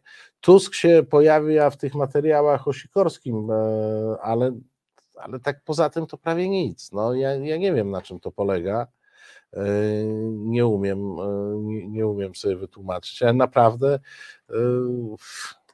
jest tylko Sikorski. No, jest tylko Sikorski. E, Tusk dał podobno e, reprymendę, mm, popatrz na Twitterze też, e, Tak? co ci pokazałem, dał reprymendę. No ciszej nad tą trumną, moim zdaniem to trochę jest już trumna dla wielkich marzeń prezydenckich Radosława Sikorskiego i nie chcę tutaj w taką pompę wpaść, bo wiadomo, ja generalnie wierzę w to, że każdy błąd da się naprawić, ale to jest irytująca powtarzalność y, u Ra- Radosława Sikorskiego i, i po prostu skończmy ten temat. Znaczy sugerowanie wpis. No dobrze. Bardzo źle się stało. Idźmy dalej, drodzy Państwo, bo E, nie wiem, czy zauważyliście, ale takim drugim miłym e, tematem, który wpadł PiSowi w ręce, jest e, zwycięstwo mm, braci włoskich mm, z charyzmatyczną liderką Meloni, która ma zostać, pani Meloni ma zostać mm, premierką. Ojejku, Włoch. Pani uważa, że zagrożeniem dla jej narodu jest ideologia LGBT, czy też e, e, no generalnie LGBT. Mm, umie ładnie krzyczeć na wiecach, porywa e, Włochów, porwała Włochów na tyle, że najprawdopodobniej stworzy prawicową koalicję, która jest nadzieją wielką dla mm, Włoch mm, ów. I powiem szczerze, starałem się słuchać też opinii, które mm, no, nie miały tej nuty histeryczności i plemienności, które y, mają niektórzy komentujący i komentujące mm, zaangażowane w polityczny spór Polski. I y, ci, którzy obserwują politykę włoską, wcale nie są przekonani, że to jest taki dopust Boży, jeśli chodzi e, o panią Meloni. I tutaj też przypominam i odniosę się do tego, o czym też rozmawialiśmy mm, z Bartoszem Arłukowiczem, ci nasi partnerzy wspaniali są głównie w wykorzystywaniu nas do swoich własnych celów. I nie wydaje o, mi się. Jestem szokowany. I nie wydaje mi się, że, y, że tutaj może być inaczej. To znaczy, być może jakoś tam się uśmiechnie, mrugnie, jakaś flaga będzie y, tam wyniesiona ale generalnie się nie spodziewam, znaczy nie przesądzałbym, że ona będzie jednoznaczną mm, sojuszniczką e, dla PiSu, to jest primo. Jak wiadomo, ten e, wynik wyborczy nie wpływa na to, że PiS będzie mocniejszy w mm, parlamencie europejskim. PiS się bardzo cieszy, że to z, jej, z jego frakcji, mm, z jego rodziny partyjnej polityczka e, wygrywa, no ale niewiele na razie się na to przekłada. Natomiast przy tej okazji znowu e, wyszła e, ciekawa e, historia i histeria. Histeria prawicy. I nie wiem, myślę, że to jest dobry moment, żeby opowiedzieć o tej historii, bo myślę, że mamy tutaj moją kandydatkę, jeśli chodzi o polexitowca tygodnia i tą no to kandydatkę zaczynaj. zagraniczną. Kandydatka zagraniczna, drodzy Państwo, już kiedyś y, miałem na końcu palca y, potrzebę zgłoszenia y, pani szefowej Komisji Europejskiej, no i teraz muszę to zrobić. Mianowicie chodzi o jej wystąpienie na Uniwersytecie Princeton, gdzie za sekundę Państwu dokładnie zacytuję, no, zaliczyła dużą wpadkę, chociaż Realnie ja bym nie dramatyzował, ale oczywiście, kiedy masz e, hordę rosyjskich troli, które tylko czekają na jakiekolwiek mięsko, żeby je wrzucić na grilla i rozdawać gawiedzi, no to trzeba mm, bardzo mm, ważyć słowa. Zdaje się, że pani mm, Ursula e, von der Leyen nie pomyślała i powiedziała tak, że jeśli sprawy, to była wypowiedź przed wyborami włoskimi, bardzo szeroko podchwycona y, przez y, prawicowych, polexitowych publicystów, przez też polityków PiSu, zaraz Państwu to pokażę.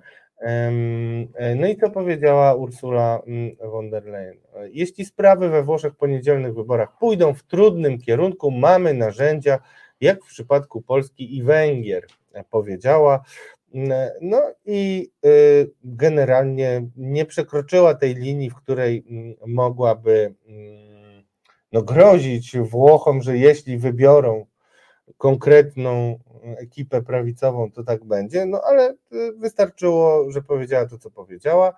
Mm, mówiła też, że zobaczymy wynik głosowania we Włoszech, były też wybory w Szwecji, E, no i tak na miękko, natomiast odebrane to zostało jako groźba i, e, no i zobaczmy te tweety, które e, panią von der Leyen podnosiły. Zacznijmy od tego, że mocno zareagował Zbigniew Ziobro i poproszę takiego tweeta. Mocnego tweeta Zbigniewa Ziobro. Tak, mo mocny, mocny tweet Ziobro o von der Leyen, zaraz Państwo e, zobaczycie, ale takich oczywiście mocnych e, komentarzy było e, dużo więcej, jeśli chodzi o tę wypowiedź. Ona była też często pokazywana w TVP Info.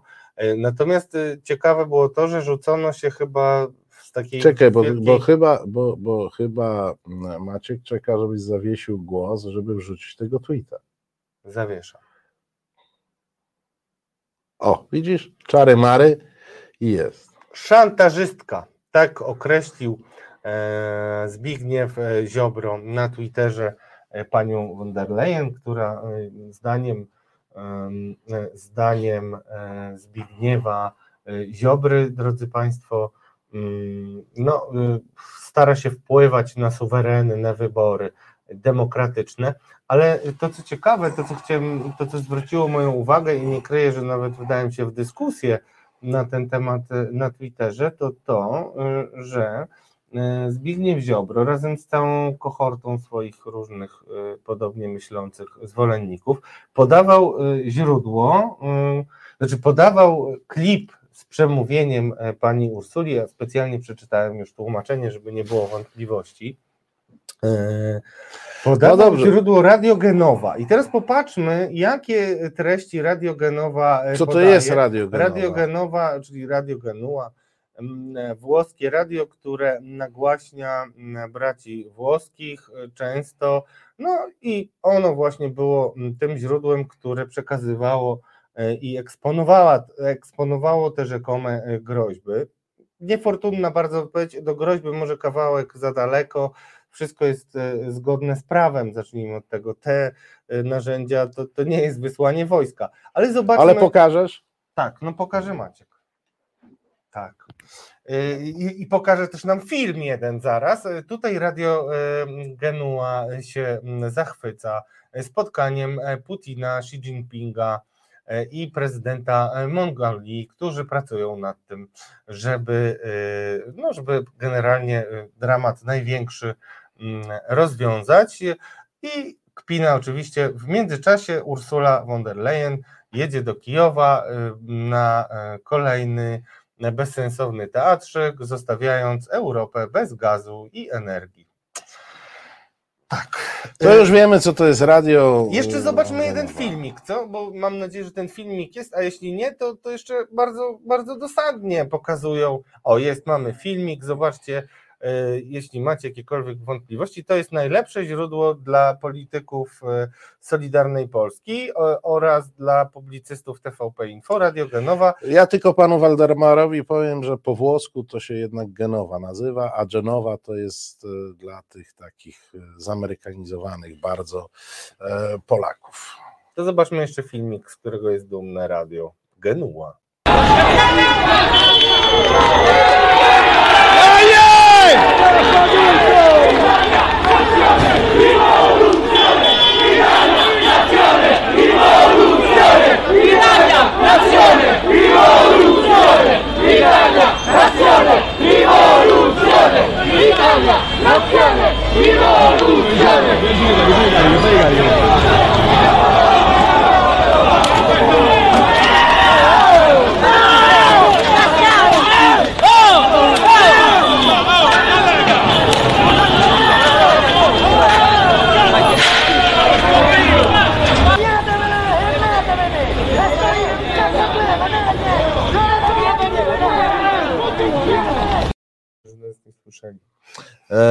bo byłby fajny dżingiel.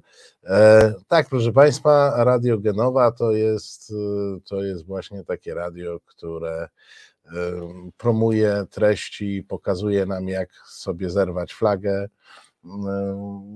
europejską i to jest ulubione włoskie medium jeszcze, jeszcze eee. środkowy palec, było fuck EU potem, no różne A, tego typu tak. rzeczy. Najlepsze zdecydowanie.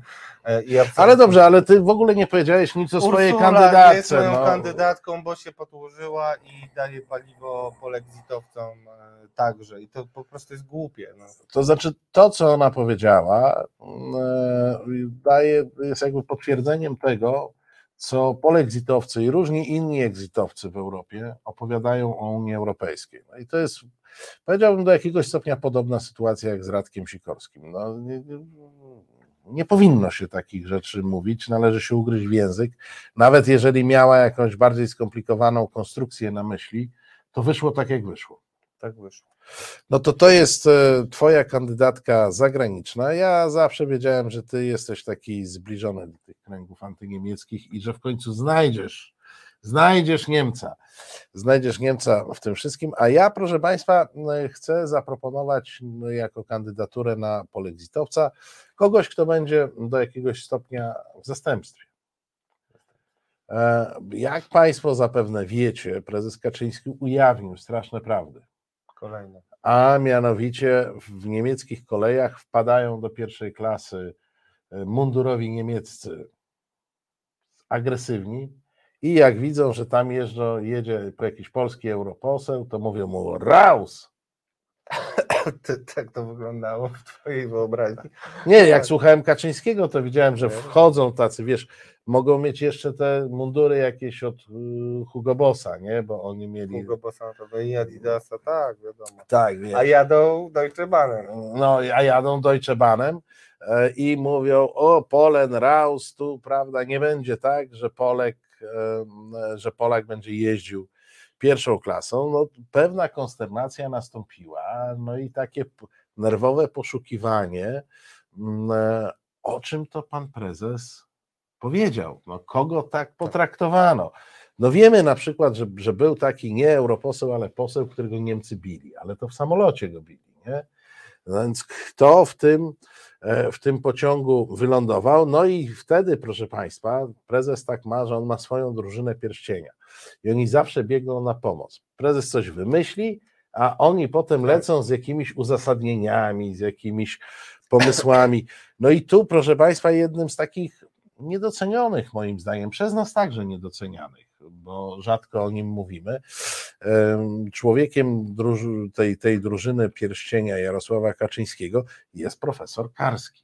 Karol zresztą. E, Profesor Karol Karski, jak wiadomo, znany, znany kierowca rajdowy przy użyciu aut e, elektrycznych, co się chwali, że przynajmniej elektryczny, tam ślad węglowy niewielki zostawał e, po tym Meleksie. E, No i tu profesor Karski powiedział, że no jest sprawa, jest sprawa, a mianowicie sprawa jest taka, że w tych Niemczech. Nie, on proszę dodał coś od siebie. Dobra, Tak, to tak. tylko ty. Sprawa, sprawa jest taka, w tych Niemczech to tam jest taki dziki kraj. Tam, proszę Państwa, policja chodzi z bronią, z pulomiotami i celuje do ludzi. Tak to w Niemczech wygląda. No, jak Państwo nie byli w Niemczech, to możecie o tym nie wiedzieć, ale tam chodzą mundurowi i o tako, jak ja bym po- pomyślał, ja jestem ten policaj, a to jest profesor Karski i ja tak stoję z takim pulomiotem. Jak się czujesz wtedy, Radku?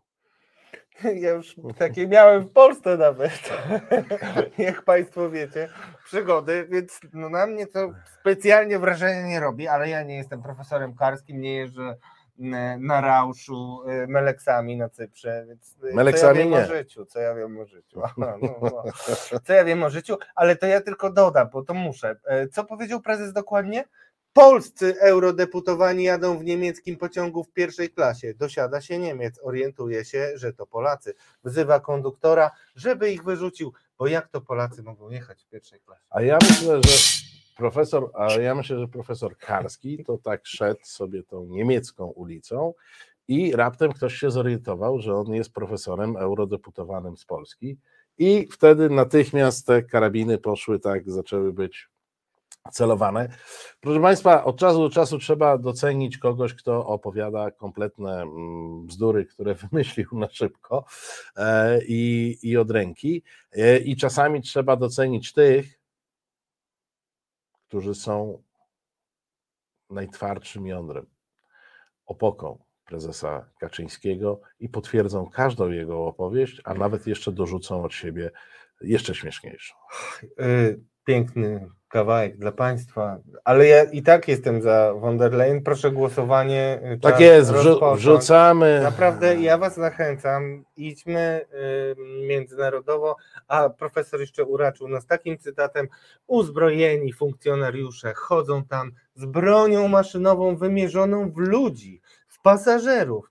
Nawet w państwach totalitarnych służby nie chodzą z bronią wycelowaną w ludzi, a w Niemczech jest to powszechne. Takiej sytuacji nie widziałem nawet w Sudanie za prezydenta Bashira. O, chyba Słuchaj. to... Bashira. Państwo skapowali Po- się, bo pozdrawiamy pana profesora. No dobrze. Pana profesora Basz, Bashira. Ale może źle przepisał dziennikarz. No może nie błąd dziennikarski, dobra, tak, dobra. może błąd dziennikarski. Sudanie Bashira, dobra. Dobra, sami się zorientujemy. No cóż. Zagrajmy w tej chwili szybką piosenkę, w tym czasie pojawi się sonda. E, Radek namawia do głosowania na panią Urzulę, ja namawiam na, do głosowania na pana Karola. Myśli i słowa. Właśnie to usłyszycie w programie Piotra Szumlewicza i Wojtka Krzyżaniaka. Redaktorzy nie wykonują jednak piosenki zespołu Baim, choć wielu chciałoby to usłyszeć. Szczególnie w takim dwugłosie. W zamian czeka nas złożony, choć podszyty humorem, komentarz życia w Polsce i wydarzeń minionego tygodnia. Z jednej strony śmiesznie, z drugiej równie strasznie. Tydzień zleciał boom. W każdy piątek po 21. E, Głosujcie Wróciliśmy, na, wróciliśmy. głosujcie Tak, Proszę Państwa, ja, ja musiałem tu wysłuchać e, gorzkich żali redaktora Radosława, że nie głosujecie na Urzulę, a przecież to wymarzony kandydat i w dodatku Niemka. E, Ale profesor jest, wiesz, pod karabinem, to może współczucie No się, e, wiesz, bo jak tak widzisz człowieka zestresowanego przed bronią w niego wycelowanego, to, to pewnie to zadziałało. Jak myślę, dobrze, proszę Państwa, no, y, broń jest wszędzie i wojna jest e, wszędzie. Proszę Państwa, i uwaga, Berlin będzie ratować Moskwę. To jest e, nieoceniony Dawid Wilstein e, w gazecie polskiej. O właśnie, nie pokazaliśmy tej okładki, no właśnie. bo Państwo mogą nie wiedzieć, że plan Zjednoczonej Opozycji rozbroić Polskę. Tak, to- to jest temat okładkowy. I okładka, e, jak widzicie Państwo, e, opozycja jest przedstawiona jako człowiek w garniturze, który ma głowę zakopaną w piasek, jak rozumiem, no to bardziej na ziemię wygląda, a tam w tle są e, czołgi. Zapewne te czołgi już zakupione. Proszę Państwa, no ale czego się dowiadujemy od Dawida Wilsteina o, w, w mm, tekście? Otóż, mm, proszę Państwa, niemieccy politycy, w przeciwieństwie na przykład do totalnej opozycji, konsekwentnie realizują interes swojego państwa. Są stanowczy i nieustępliwi, jeśli chodzi o chronienie potęgi swojego kraju i jego dominującej pozycji w Unii Europejskiej. No i dopiero teraz zacznie się by, być ciekawiej. E, To zaś może zostać, ta, ta, czyli ta dominująca pozycja w Unii Europejskiej może zostać zachowana tylko pod jednym warunkiem współpracy z Moskwą, proszę Państwa. Tutaj pan Dawid Wilstein wyraźnie kanclerzowi Scholzowi podpowiada, no, że to jest klucz do potęgi Niemiec, ta współpraca z Moskwą. E, To, co dziś się dzieje, pokazuje wyraźnie jak nigdy, że osłabienie Rosji to dla Niemiec strata fundamentalnego partnera ekonomicznego umożliwiającego Berlinowi trzymanie w szachu Europy. Czyli już nie tylko Polska, ale cała Europa jest kondominium rosyjsko-niemiecką. Jednocześnie tylko we współpracy z Moskwą udawało się Niemcom skutecznie blokować jedno z największych zagrożeń dla ich supremacji europejskiej, od wieków zresztą, czyli uważajcie Państwo, co było zagrożeniem, największym zagrożeniem dla supremacji europejskiej Niemiec? Jak myślisz, Radek? Polska. No, aż tak nie, ale jesteś blisko. Emancypacja państw Europy Środkowo-Wschodniej, tak. Czyli Polski Czyli Polska. czyli Polski. Inni to gęsiego. Już dziś Berlin z niepokojem musi patrzeć na sytuację na froncie ukraińskim, zdając sobie sprawę, że ma coraz mniej czasu. E, Dowodem na to są coraz ostrzejsze wypowiedzi najważniejszych polityków Berlina, naciskających na błyskawiczną integrację państw Europy w ramach Unii. I tak samo jak dla Putina, zima może być dla niemieckich interesów zbawienna. W zależności od jej intensywności wpłynie ona na nastroje społeczne. Jednocześnie możemy być pewni, że Niemcy, najważniejsze państwo Unii Europejskiej, zrobi wszystko, by nie dopuścić do klęski Rosji, bądź choć, chociaż ją ograniczyć. Tak, tak orzecze My nie autoryzujemy tych dźwięków. Dawid ich nie wydajemy nawet. Tak, to, to nawet nie do końca są e, nasze, e, nasze dźwięki. E, Pan, pan Tomasz pyta o tym wstydliwym węglu nic, jeno gaz i gaz. Ach, proszę Państwa, ja przepraszam, ja przybiegłem, przybiegłem do Państwa pod, na początek programu pod dużym wrażeniem, Ty Radku tego nie widziałeś, bo w TVP była relacja z opiniami z rozładowania statku z węglem. To tak a propos, a propos węgla. Proszę Państwa, to było świeżo, tuż przed 19 taką, w, idąc, idąc e, z po- pokoju, w którym mamy telewizor tutaj do studia, to jeszcze się załapałem na opinię dotyczącą, e, na ciekawe opinie dotyczące rozładunku węgla szczęśliwego w jednym z polskich portów. Ale proszę Państwa, no, z czym mamy do czynienia? No, no znowu mamy do czynienia ze szczuciem, to znaczy te, usiłuje nam się przełożyć, że te jakieś różne spiskowe teorie są faktami i usiłuje się, no, wmawia się nam raz, że Niemcy to tylko siedzą i czekają, aż Ukraina przegra. Tak? Tak, tak. E, To, to jest ich podstawowy cel. Ale ponieważ boją się, boją się panicznie, że to Rosja może e, przegrać, e, w związku z tym oni chcą szybko zintegrować Unię, bo, bo jak Rosja przegra, to oni nie będą mogli zintegrować Unii. Taki jest wniosek. Wiecie, ja, ja czasami mam taki odruch. A może my czegoś nie rozumiemy? Nie, nie więc ja, ja, ja wiesz, Może ja, pomożecie. ja dosyć często mam tak, tak, tak, ja próbuję jakoś zrozumieć, nie? No ale jeżeli ktoś twierdzi, że przeprowadza jakąś e, e, analizę, no to bierze pod uwagę różne warianty. E, to, co nam szalenie ułatwia pracę, bo to nam ułatwia pracę w przekazywaniu Państwu, tutaj analizy zawsze mają tylko jeden wariant. Zauważyłeś? Tak. Tu nigdy nie ma dwóch wariantów, trzech e, Tak. e, e, wariantów w tej prasie, którą dla Państwa przeglądamy i czytamy. To jest zawsze jeden wariant, powiedziałbym nawet jedynie słuszny wariant. I ten jedynie słuszny wariant w każdym, zauważcie, my patrzymy w różne media związane z rządem, ale w każdym z nich ten wariant jest jeden. Niemcy z Tak. Rosją Tak. kombinują, jak nie dopuścić do naszej mocarstwowości, bo jak mówimy o emancypacji Europy Środkowo-Wschodniej, to myślę, że rozumiemy rosnącą potęgę Trójmorza. Marcinie, y, chciał, znaczy mówiąc poważnie, ja naprawdę się zastanawiam, gdzie jest to jakieś jądro tych wszystkich y, wiadomości. Być może taki mózg państwa zostanie zlokalizowany i namierzony już jutro. Nie, naszej Państwa audycji. będzie jutro. No, właśnie, mózg państwa pojawi się jutro. Bardzo jesteśmy z tego radzi, bym powiedział.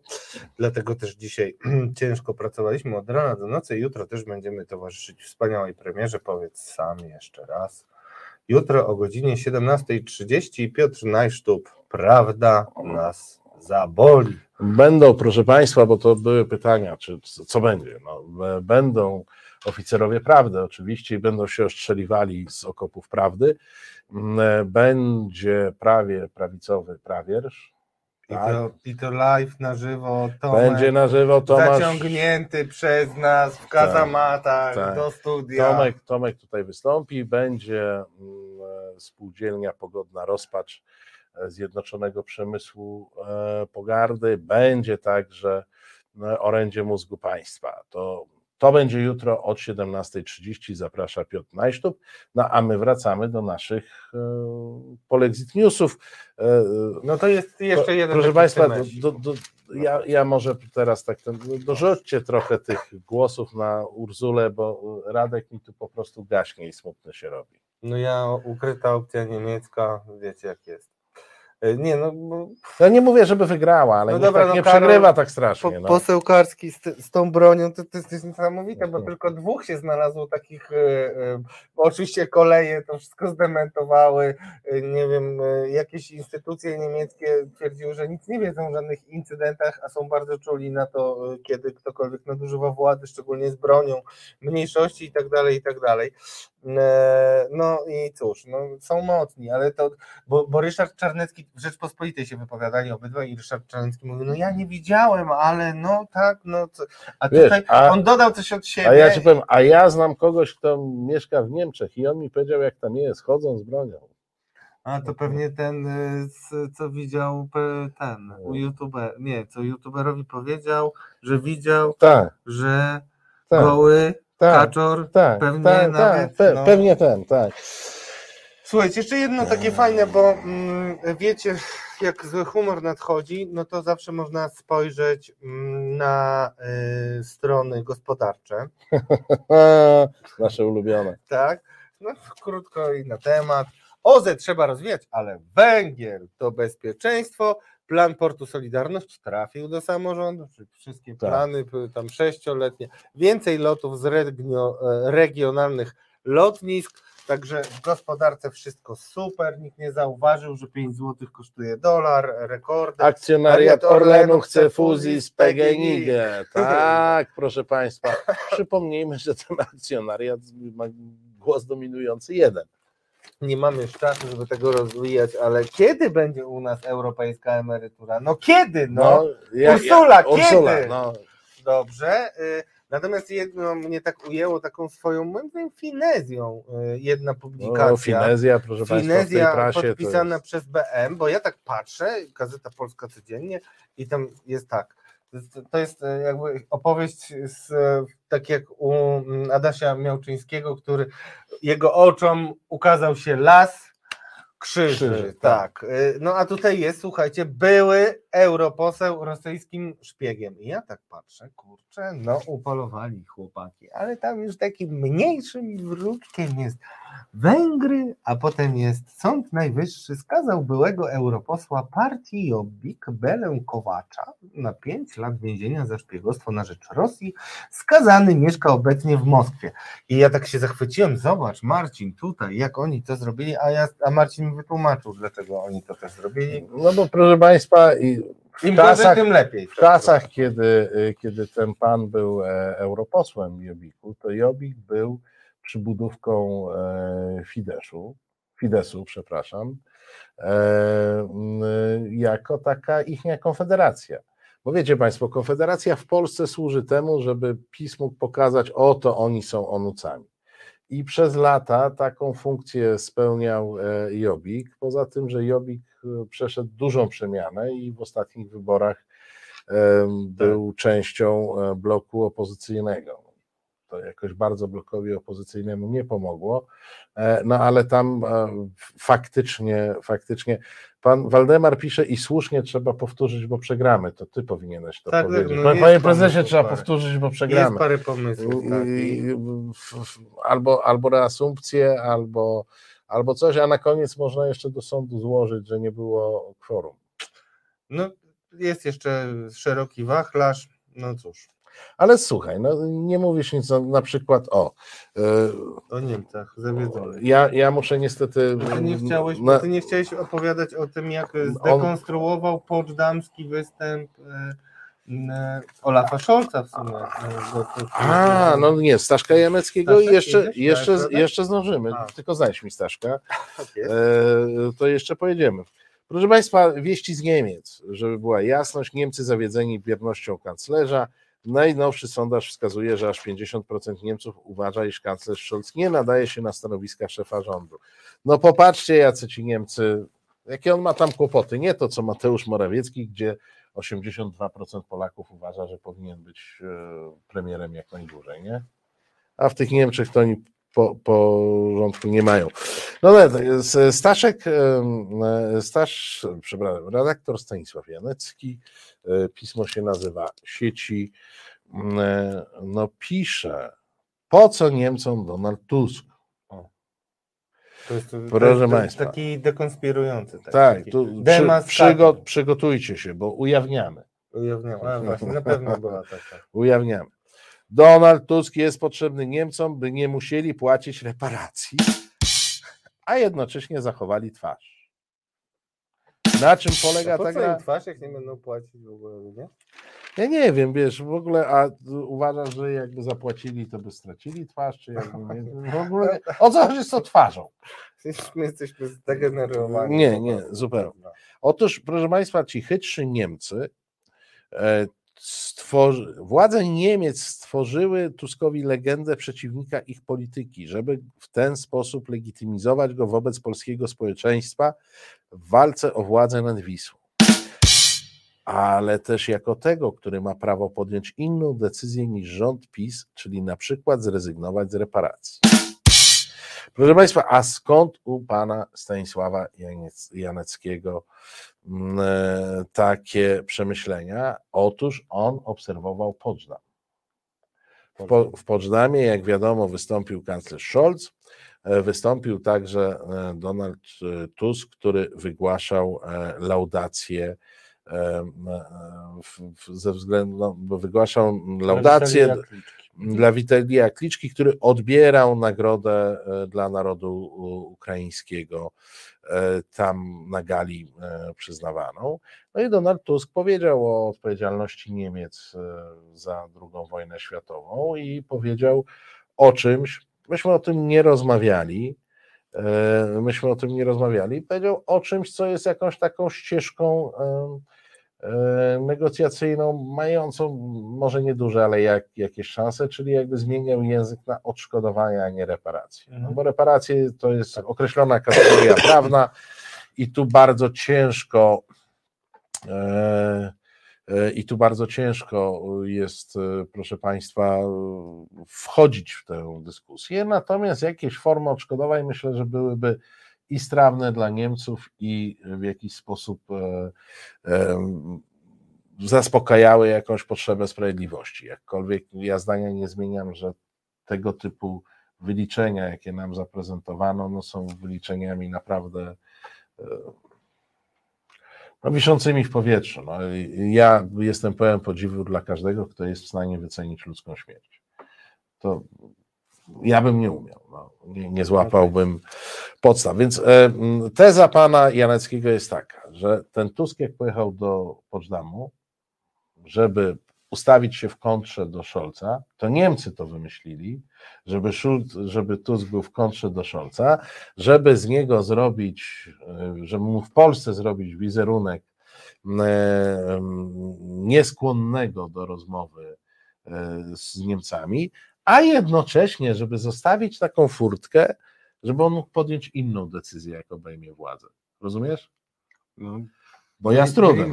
no. Bo, bo ja z trudem. Tro, trochę to szycie, e, e, trochę to szycie m, e, całej sprawy wydaje mi się mocno skomplikowane, ale od tego, proszę Państwa, mamy prawdziwych śledczych intelektualistów, takich jak Stanisław Janecki, żeby tę konstrukcję obnażyć, e, ujawnić. E, Tam e, jeszcze jest jakiś tam wątek, że dostanie, ja- oczywiście ten wątek, który wrzucił Adam Glapiński, prezes NBP-u. No tak, nie, no Tusk oczywiście, dostanie- proszę Państwa, tak. dostanie e, mnóstwo nagród, nie, nie tylko Polskę dostanie jako e, łup w wyniku tej operacji, ale jak będzie trzeba, to i kawałek Europy, Wiesz, no po, Polska jest warta komisji, no, czy, czy Tak. tam jakiejś innej mszy. E, nie, no, proszę Państwa, dlaczego Niemcy to robią, to jeszcze dopowiem. W Berlinie rozumieją, że jeśli nie uda się całkiem wykpić od materialnej odpowiedzialności za śmierć milionów Polaków i zniszczenie Polski, to trzeba to skanalizować w ramach wspólnej akcji legitymizowanej przez rząd w Warszawie. Czyli, proszę Państwa, najgorsze zło, jakie mogłoby nas spotkać, to jakaś forma zadośćuczynienia w porozumieniu z rządem w Warszawie. Bo jedyna forma zadośćuczynienia to jest taka, gdzie rząd w Warszawie musi być w konflikcie z Niemcami. Rozumiesz? Mhm, mhm. No tak. No. Czyli musi to być, proszę Państwa, rząd y, pisowski.